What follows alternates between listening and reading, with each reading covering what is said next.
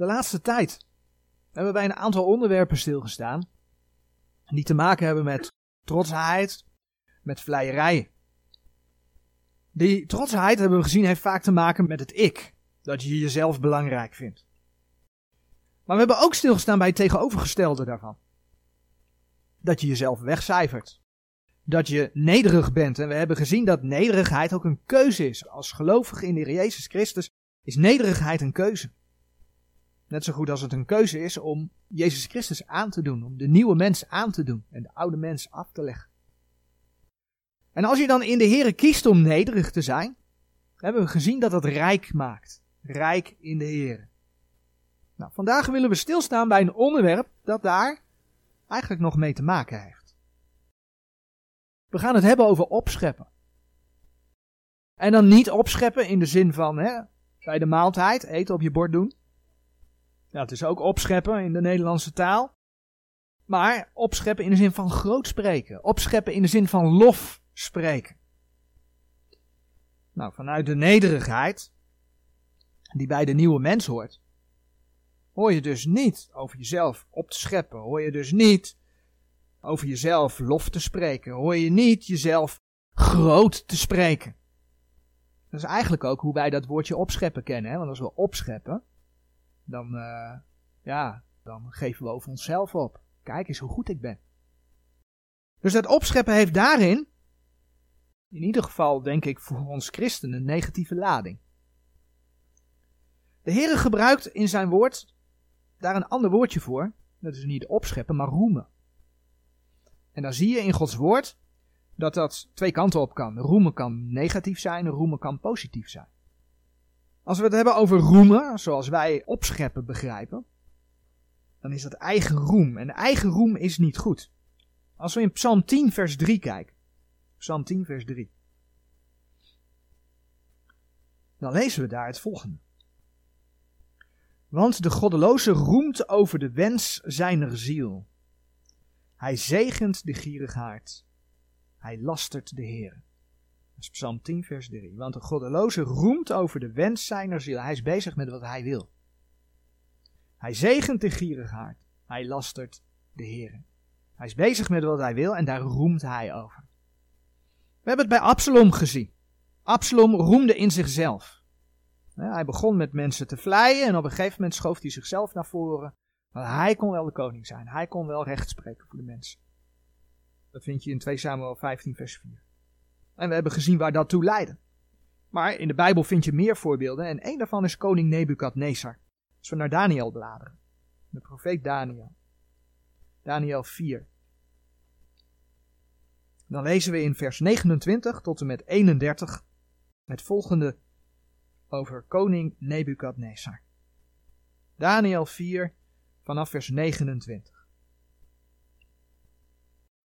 Want op het einde van twaalf maanden, toen hij op het koninklijk paleis van Babel was wandelende, sprak de koning en zeide: Is dit niet het grote Babel dat ik gebouwd heb? Tot een huis des koninkrijks, door de sterkte mijner macht en ter ere mijner heerlijkheid. Dit woord nog zijnde in des konings mond. Viel er een stem uit de hemel. U, o koning Nebukadnezar, wordt gezegd. Het koninkrijk is van u gegaan. dan lees je in Daniel 4, vers 32 en 33 hoe koning Nebukadnezar verstoten werd. Hoe hij de beesten gelijk werd. de koning van Babel die dacht dat hij alles aan zichzelf te danken had. Dat hij alles groot gemaakt had. Daar schepte hij over op. Zijn eigen macht, zijn eigen heerlijkheid. En we zien dus hoe de Heer daarop reageert. U, o koning Nebukadnezar, wordt gezegd, het koninkrijk is van u gegaan. Dat was Gods reactie daarop. Wanneer koning Nebukadnezar dan tot het inzicht komt, dan komt er een keer in zijn situatie. Daniel 4, vers 34. Hij komt tot inzicht, hij komt tot inkeer. In Daniel 4, vers 34 lezen we: Ten einde deze dagen nu hief ik, Nebukadnezar, mijn ogen op ten hemel, want mijn verstand kwam weder in mij. En ik loofde de Allerhoogste. En ik prees en verheerlijkte de eeuwig levende, omdat zijn heerschappij is een eeuwige heerschappij. en zijn koninkrijk is van geslacht tot geslacht. Koning Nebukadnezar ging door een dal, maar het gevolg was dat hij niet zichzelf prees, maar dat hij God prees. Hij ging niet meer zichzelf groot spreken, maar hij ging de Heere groot spreken. Hij ging de Heere loven. Hij ging in de Heere roemen. In vers 37 van Daniel 4 lezen we nog. Nu prijs ik Nebukadnezar en verhoog en verheerlijk de koning des hemels, omdat al zijn werken waarheid en zijn paden gericht zijn. En hij is machtig te vernederen, degene die in hoog moet wandelen. Je daarbij stilstaat, koning Nebukadnezar heeft best het een en ander meegemaakt, overigens een heidens vorst, hè? Maar hij heeft best het een en ander meegemaakt. En dat maakt dan dat hij prijst de God van het gericht. De God van het oordeel. Hij erkent, hij is machtig te vernederen degene die in hoog moet wandelen.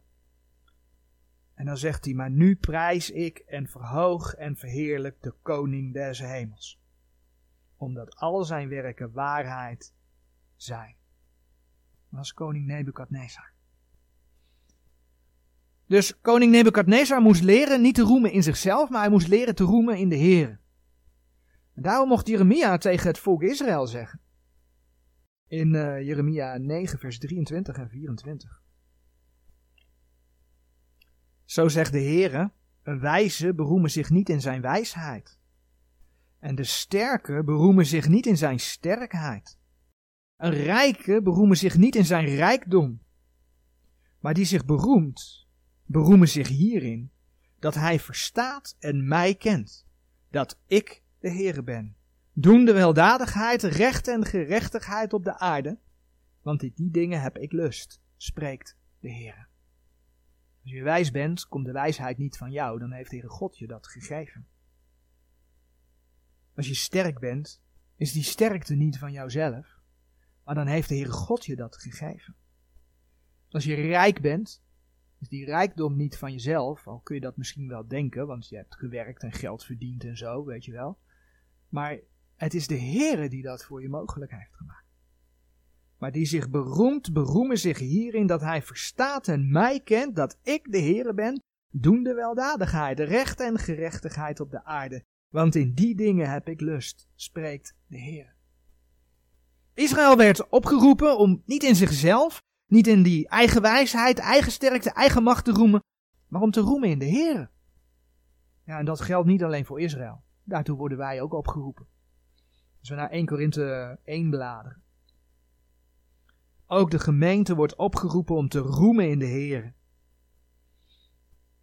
1 Korinthe 1, vers 29 tot en met 31 zeggen daar het volgende over. Opdat geen vlees zou roemen voor hem, maar uit hem zijt gij in Christus Jezus, die ons geworden is wijsheid van God en rechtvaardigheid en heiligmaking en verlossing. Opdat het zij gelijk geschreven is, die roemt, roemen in de Heer. Je mag dus wel degelijk opscheppen, maar niet over jezelf. Je mag wel degelijk opscheppen, maar dan over de Heer. We hadden het al over dat dat opscheppen een beetje een negatieve klank heeft. Daarom kunnen we beter spreken over het Bijbelse roemen. We mogen roemen in de Heer. Geef Hem de lof die Hem toekomt. Geef Hem de eer. Roem in de Heer. Nou, we zullen vandaag, vanmorgen, nog een aantal versen zien. Met name in de brief aan de gemeente. Om te zien waar wij in mogen roemen, wat dat inhoudt. Roemen in de Heer. En dan beginnen we bij Romeinen 5. In Romeinen 5, vers 8 tot en met 11 lezen we het volgende. Maar God bevestigt zijn liefde jegens ons, dat Christus voor ons gestorven is als wij nog zondaars waren. Veel meer dan, zijnde nu gerechtvaardigd door zijn bloed, zullen wij door hem behouden worden van den toren. Want indien wij vijanden zijnde, met God verzoend zijn door de dood zijn zoons, veel meer zullen wij verzoend zijnde, behouden worden door zijn leven. En niet alleen dit, maar wij roemen ook in God door onze Heer Jezus Christus, door welke wij nu de verzoening gekregen hebben. In vers 8 tot en met 10 lees je over ja, de verzoening die de Heer geeft in het vergrote bloed van de heiland. En dan staat er in vers 11, maar wij roemen ook in God, door onze Heer Jezus Christus, door welke wij nu de verzoening verkregen hebben. Je hebt van jezelf helemaal niets te roemen. Van nature ben je een zondaar. Dat hebben we net ook in deze versen gelezen. Van nature ben je als mens een vijand van God. Kijk maar in vers 10. Want indien wij vijanden zijnde. Van nature is de mens een vijand van de Heere God. Van nature heb je het verdiend, dat lees je in Gods woord, om naar de hel te gaan. En ondanks dat is de Heere God uit liefde voor zijn in zonde gevallen schepselen in zijn zoon naar de aarde gekomen. En heeft hij voor je zonde geleden? Heeft hij zijn bloed voor jou vergoten? Wat je vergeving van zonde geeft. Voor een ieder die het volbrachte werk van de Heer Jezus met zijn of haar hart gelooft en beleidt. Voor een ieder heeft de Heer dat gedaan. Als je dat gelooft en beleid hebt, dan ben je met de Heere God verzoend. Dan heb je vrede met de schepper van hemel en aarde. Dat behoud je, dat, dat hebben we ook in die paar versen gelezen, dat behoud je van zijn toren die over de aarde gaat komen. Maar dat behoud je ook van het laatste oordeel. Je bent behouden door zijn leven, door zijn opstanding uit de doden. Je gaat dan niet naar de hel, maar je hebt een woning van hem in de hemel. En dat heeft hij om niet voor ieder mens bewerkstelligd. Ja, je moet het als mens wel geloven en beleiden. Aannemen. Als je daardoor een kind van God geworden bent, zie je dan eigenlijk hoeveel roem, hoeveel roem je in de Here hebt. Hoeveel reden er is om grote dingen over Hem te zeggen, hoeveel reden er is om Hem te loven. Vervolgens zegt Filippenzen 3 vers 3. Filippenzen 3 vers 3 het volgende. Want wij zijn de besnijding, wij die God in de geest dienen. En in Christus Jezus roemen. En niet in het vlees betrouwen. Want wij zijn de besnijding, wij die God in de geest dienen. En in Christus Jezus roemen. En niet in het vlees betrouwen. De besnijding, dat verwijst naar de geestelijke besnijdenis, ja, die plaats heeft gevonden op het moment dat je tot wedergeboorte bent gekomen. Teksten die daarover gaan zijn Colossense 2 vers 11 tot en met 13. Daar gaan we vanmorgen niet verder op in. Maar Paulus maakt daar dan het verschil tussen de Heeren dienen en in de Heeren roemen aan de ene kant en het vlees betrouwen aan de andere kant. En dan zien we dus dat het niet de bedoeling is dat je als wederomgeborene op je vlees vertrouwt. Nou, en dat is makkelijker gezegd dan gedaan. Maar Paulus geeft aan dat hij alle reden had om op het vlees te vertrouwen. In vers 4 tot en met 6 van Filippenzen 3 lees je dat hij een Israëliet was. Je leest dat hij een Hebreeër was. Je leest dat hij opgeleid was tot fariseer. Ja, en Paulus, die was fanatiek. Die deed alles voor zijn geloof. Hij was onberispelijk naar de wet. Maar toch zei hij in, uh, in vers 7 en 8 van Filippenzen 3: Maar hetgeen mij gewin was, dat heb ik om Christus wil schade geacht.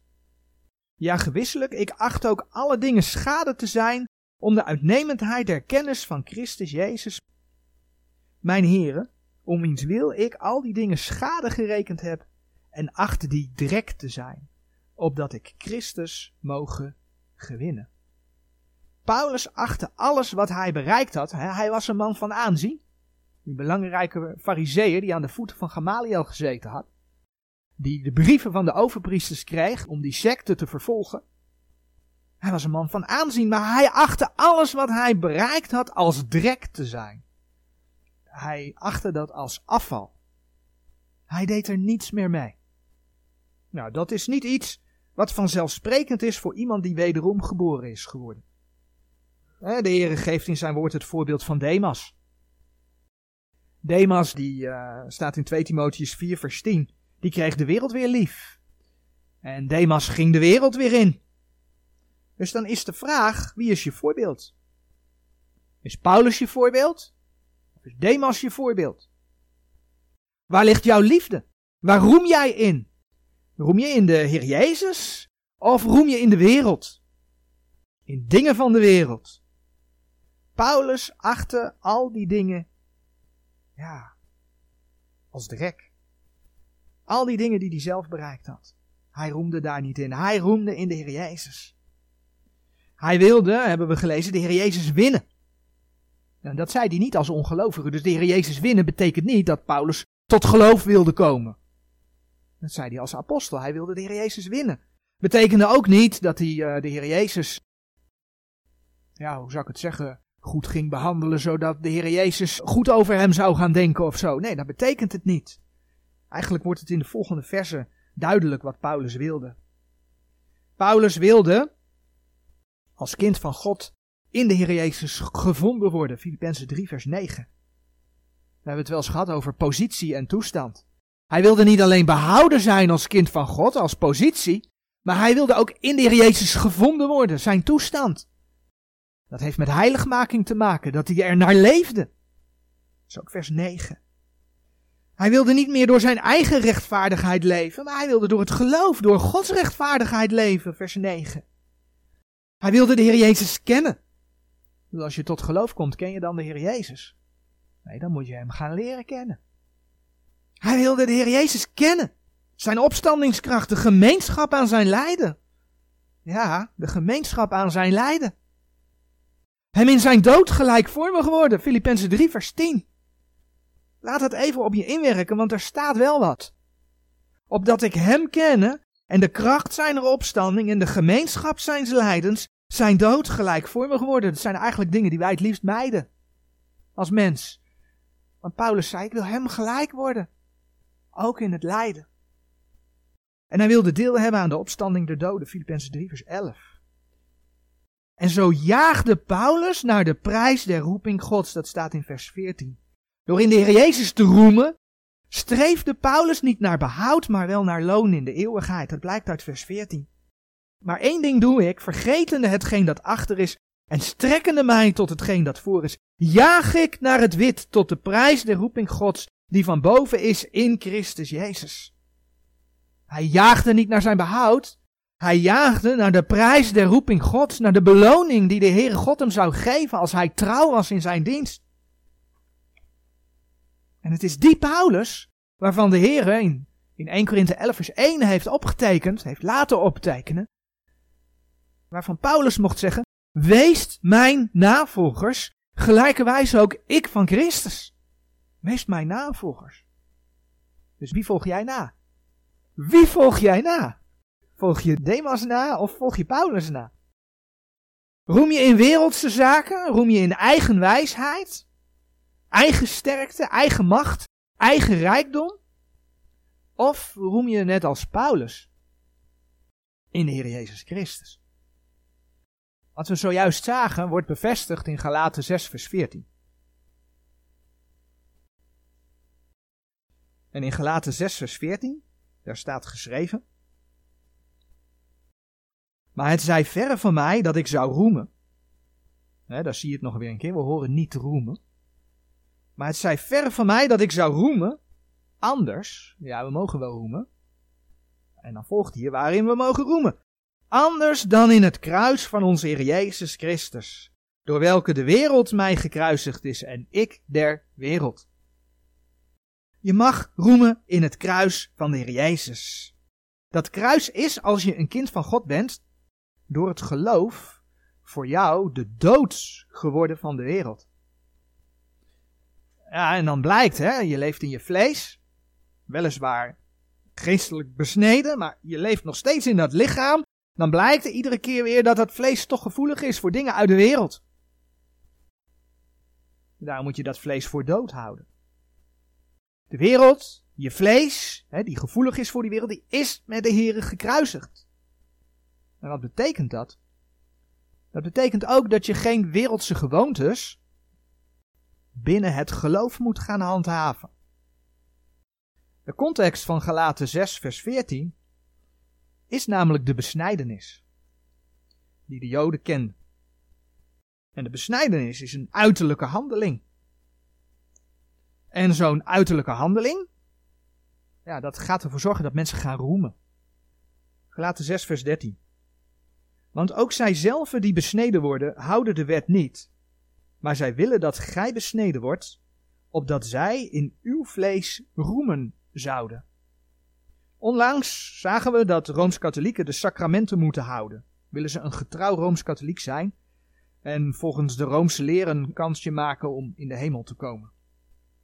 Protestanten, die hebben veel minder sacramenten dan Rome, maar nog steeds twee. En ook bij de protestanten is het zo dat je toch wel de kinderdoop ondergaan moet hebben om in het verbond te komen. Zoals ze dat dan zeggen. Weet je, dat zijn uiteindelijk, protestanten zullen dat niet zo snel erkennen, maar het zijn systemen van werken, want jij moet iets doen om erbij te komen. En daardoor gaan mensen roemen. Roemen in wat zij gedaan hebben. Roemen in wat zij bereikt hebben. Ja, daardoor word je niet behouden, hè? Efeze 2, vers 8 en 9. Over bekende versen. Want uit genade zijt gij zalig geworden door het geloof en dat niet uit u. Het is Gods gave, niet uit de werken, opdat, komt hij, niemand roemen. Maar als bijbelgelovige moet je daar ook voor oppassen. Dat je niet gaat opgeven op wat jij allemaal voor de Heer gedaan hebt. Of dat je iets denkt bereikt te hebben op het moment dat je misschien wel via een bijbelgelovige bijbelscholen allerlei certificaten behaald hebt. Dan ben je net als de wereld bezig, die overal papiertjes voor wil halen. En ik zeg niet dat een bijbelschool verkeerd hoeft te zijn, hè, als het een bijbelgelovige bijbelschool is. Begrijp me niet verkeerd. Maar er zijn mensen die, zeg het ook maar even werelds, die kikken op dat papiertje. Maar dan ben je bezig als de wereld, want het gaat niet om het papiertje, het gaat om het binnenste. Het gaat om je hart. Je kunt nog zoveel papiertjes hebben, maar als het niet van binnen zit. Dus we moeten niet als de wereld zijn.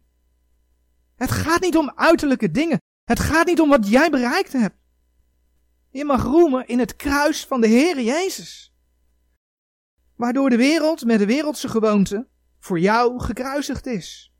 Je bent niet uiterlijk veranderd, je bent innerlijk veranderd. Zoals 1 Korinthe 1 vers 31 zegt, wat we al gelezen hebben, opdat het zij gelijk geschreven is die roemt, roemen in de Heer.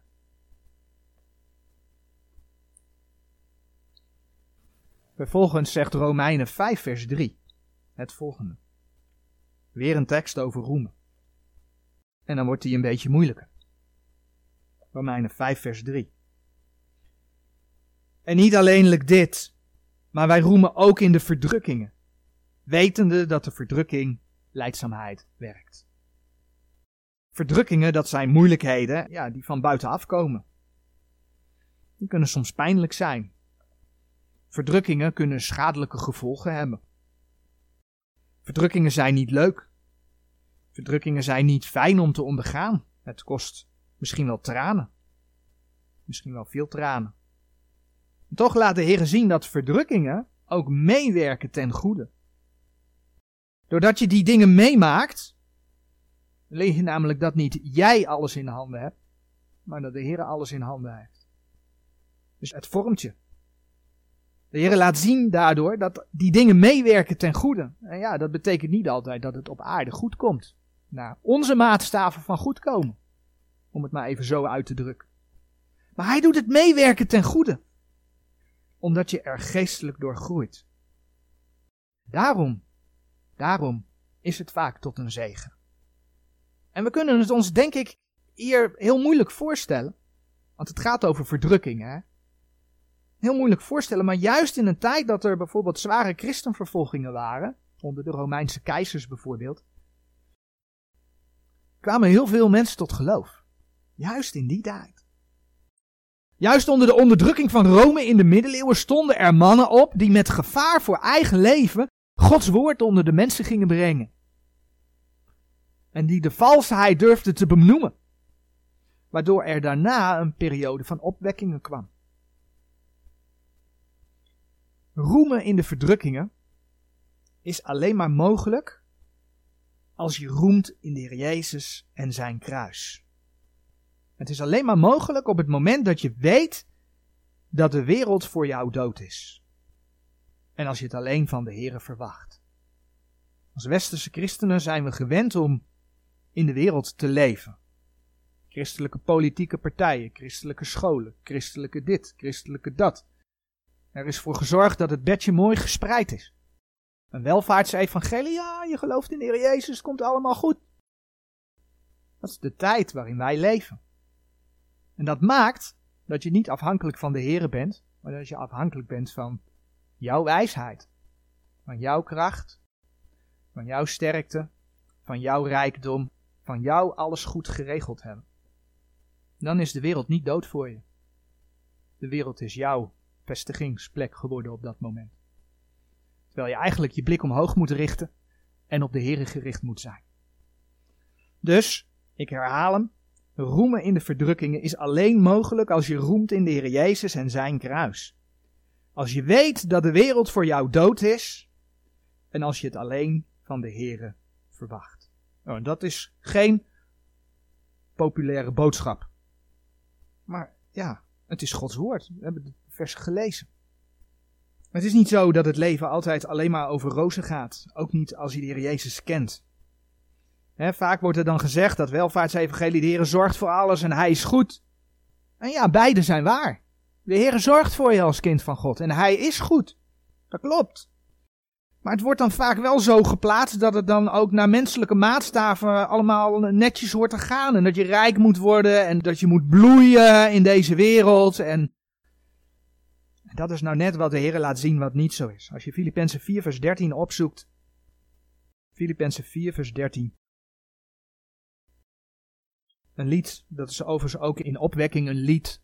Dat mensen wel graag zingen. Ik vermag alle dingen door Christus die mij kracht geeft. Ja, voel je al powerful, hè? Ik vermag alle dingen in Christus die mij kracht geeft. En voor je het weet staan er allemaal van die zogenaamde kleine superherootjes. Ik vermag alle dingen. Maar weet je wat daarvoor staat? De context. Daarvoor staat, vers 12, en ik weet vernederd te worden. Ik weet ook overvloed te hebben. Ja, dus ja, overvloed, dat komt voor. Maar ik weet ook vernederd te worden. Alleszins en in alles ben ik onderwezen, bij de verzadigd te zijn, maar ook honger te lijden. Bij de overvloed te hebben en gebrek te lijden. En naar die tegenstellingen komt, ik vermag alle dingen. Ik vermag alle dingen door Christus die mij kracht geeft. De wederom geboren gelovige krijgt in zijn leven, of haar leven, ook te maken met lijden. Maar ook daarin, ook daarin zorgt de Heer voor alles en is Hij goed. Zelfs als dat lijden niet van buitenaf, maar van binnenuit komt. Bijvoorbeeld door je eigen lichaam. Paulus zegt namelijk ook te roemen, en dat is de volgende, in zwakheden. Zwakheden. En zwakheden, dat zien we zo in de context. We gaan uh, 2 Korinthe 12 gaan we lezen, een stukje, een paar versen. Het heeft te maken met ja, ziektes dat je lichaam zwak is. En Paulus vertelt het uit ervaring, zoals blijkt uit deze versen. 2 Korinthe 12, vers 7 tot en met 10. En opdat ik mij door de uitnemendheid der openbaringen niet zou verheffen, zo is mij gegeven een scherpe doorn in het vlees, namelijk een engel des Satans, dat hij mij met vuisten slaan zou, opdat ik mij niet zou verheffen. Hierover heb ik de Heere driemaal gebeden, opdat hij van mij zou wijken. En hij heeft tot mij gezegd, mijn genade is u genoeg, want mijn kracht wordt in zwakheid volbracht. Zo zal ik dan veel liever roemen in mijn zwakheden. Daar heb je dat woordje roemen. Zo zal ik dan veel liever roemen in mijn zwakheden, opdat de kracht van Christus in mij wonen. Daarom heb ik een welbehagen. Ja, dat staat er, hè? Daarom heb ik een welbehagen in zwakheden, in smaadheden, in noden, in vervolgingen, in benauwdheden, om Christus wil. Want als ik zwak ben, dan ben ik machtig. Paulus had een zwakheid in zijn eigen vlees. En als je gelaten 4 vers 14 tot en met 15 leest, dan weet je dat dat waarschijnlijk een ziekte aan zijn ogen is geweest. Dat was niet fijn. En dat was niet fijn, dat is zachtjes uitgedrukt, want hij noemt het in de versen van 2 Korinthe die we gelezen hebben, een engel des Satans die hem met vuisten sloeg. Zo ervoer Paulus dat. Maar Ja, hij zegt het zelf, het voorkwam dat hij zich zou gaan verheffen. Het hield hem nederig. Blijkbaar had de Heere God er een doel mee. Ondanks dat het een vorm van lijden is wat hij tegenkwam. Het hield hem afhankelijk van de Heere. En zie daar de reden waarom de Heere je door Paulus leert om ook te roemen in je zwakheden. En nee, dat is niet makkelijk. Dat is niet makkelijk. Aan de andere kant mag je dankbaar zijn. Dankbaar zijn als je tegen moeilijkheden aanloopt. Want de Heer zegt namelijk dat Hij ieder kind, ja, onder andere ook tuchtigt. Ieder kind. Dus ja, als je dan tegen moeilijkheden aanloopt, Heere God, dank u wel. U behandelt mij als uw kind, als uw zoon. De Heere test je als zijn kind. De Heere tuchtigt je. De Heere kastijdt je als zijn kind. Hebreeën 12, vers 5 tot en met 7. En je ziet, dit is heel iets anders dan wat de wereld je leert. Dit is heel wat anders dan wat de wereld je leert. Maar het is wel de realiteit van het leven. Ook het leven als kind van God. Juist het leven als kind van God. Hebreeën 12, vers 5 tot en met 7. En gij hebt vergeten de vermaning die tot u als tot zonen spreekt. Mijn zoon acht niet klein de kastijding des Heren en bezwijkt niet als gij van hem bestraft wordt. Want die de Heere lief heeft, kastijdt hij en hij geestelt een iegelijke zoon die hij aanneemt. Indien gij de kastijding verdraagt, zo gedraagt zich God jegens u als zonen. Want wat zoon is er die de vader niet kastijdt? En dan lezen we in vers 9 tot en met 11 nog. Voorts wij hebben de vaders onze vleesers wel tot kastijders gehad, en wij ontzagen hen, zullen wij dan niet veel meer de vader der geesten onderworpen zijn en leven? Want gene hebben ons wel voor een korte tijd, nadat het hun goed dacht, gekastijd. Maar deze kastijdt ons tot ons nut, opdat wij zijner heiligheid zouden deelachtig worden. En alle kastijding als die tegenwoordig is, schijnt geen zaak van vreugde, maar van droefheid te zijn. Doch daarna geeft zij van zich een vreedzame vrucht der gerechtigheid, degene die door dezelfde geoefend zijn. Ik weet dat dit specifiek over kastijden gaat, maar ja, de Heer test ook, dat kom je ook in zijn woord tegen, dat heeft ook een beetje hiermee te maken. En als je je zo laat oefenen, zegt de Heer God dat dat een vreedzame vruchten der gerechtigheid geeft. Soms zijn die zwakheden ook bijvoorbeeld een gebrek in je karakter of in je eigenschappen. Je mist iets waardoor je naar jouw idee, als je dat wel zou hebben, de Heere veel beter zou kunnen dienen. Nou, Paulus als prediker, vinden we in 1 Korinthe 2, die had ook zo'n probleem. Die had ook zo'n zwakheid. Paulus die schrijft namelijk dat hij helemaal niet zo'n sterke spreker was. En toch was hij een prediker. Was hij door God uitgekozen om het evangelie der genade Gods te verkondigen aan de heidenen. In 1 Korinthe 2, de eerste vijf versen lezen we. En ik, broeders, als ik tot u ben gekomen, ben niet gekomen met uitnemendheid van woorden of van wijsheid, u verkondigende de getuigenis Gods. Want ik heb niet voorgenomen iets te weten onder u dan Jezus Christus en die gekruisigd. En ik was bij u lieden in zwakheid en in vrezen en in veel beving. En mijn reden en mijn prediking was niet in bewegelijke woorden der menselijke wijsheid, maar in betoning des geestes en der kracht, opdat uw geloof niet zou zijn in wijsheid der mensen, maar in de kracht Gods. Paulus was in zwakheid, in vrezen en in veel beving. Hij ging daar niet eens even staan van ik doe dat wel. En dat is ook precies waar de Heere God die zwakheden voor gebruikt. Wij mensen komen gewoon tekort. Maar die tekorten maken dat je niet gaat denken van nou, dat zal ik wel eens eventjes doen. Misschien zijn er dingen waar je in je leven tegen moet vechten dan maakt het je in ieder geval duidelijk, en misschien ook anderen wel, dat niet jij de overwinning behaalt, maar dat het de Heer is die de overwinning behaalt. Weet je, ook dat houdt je klein. Het houdt je klein ten opzichte van de Heer. En op dat moment maakt het dat Hij door jou heen kan werken. Kortom, juist door zwakheden, smaadheden, noden, vervolgingen, benauwdheden heen, vormt de Heer je.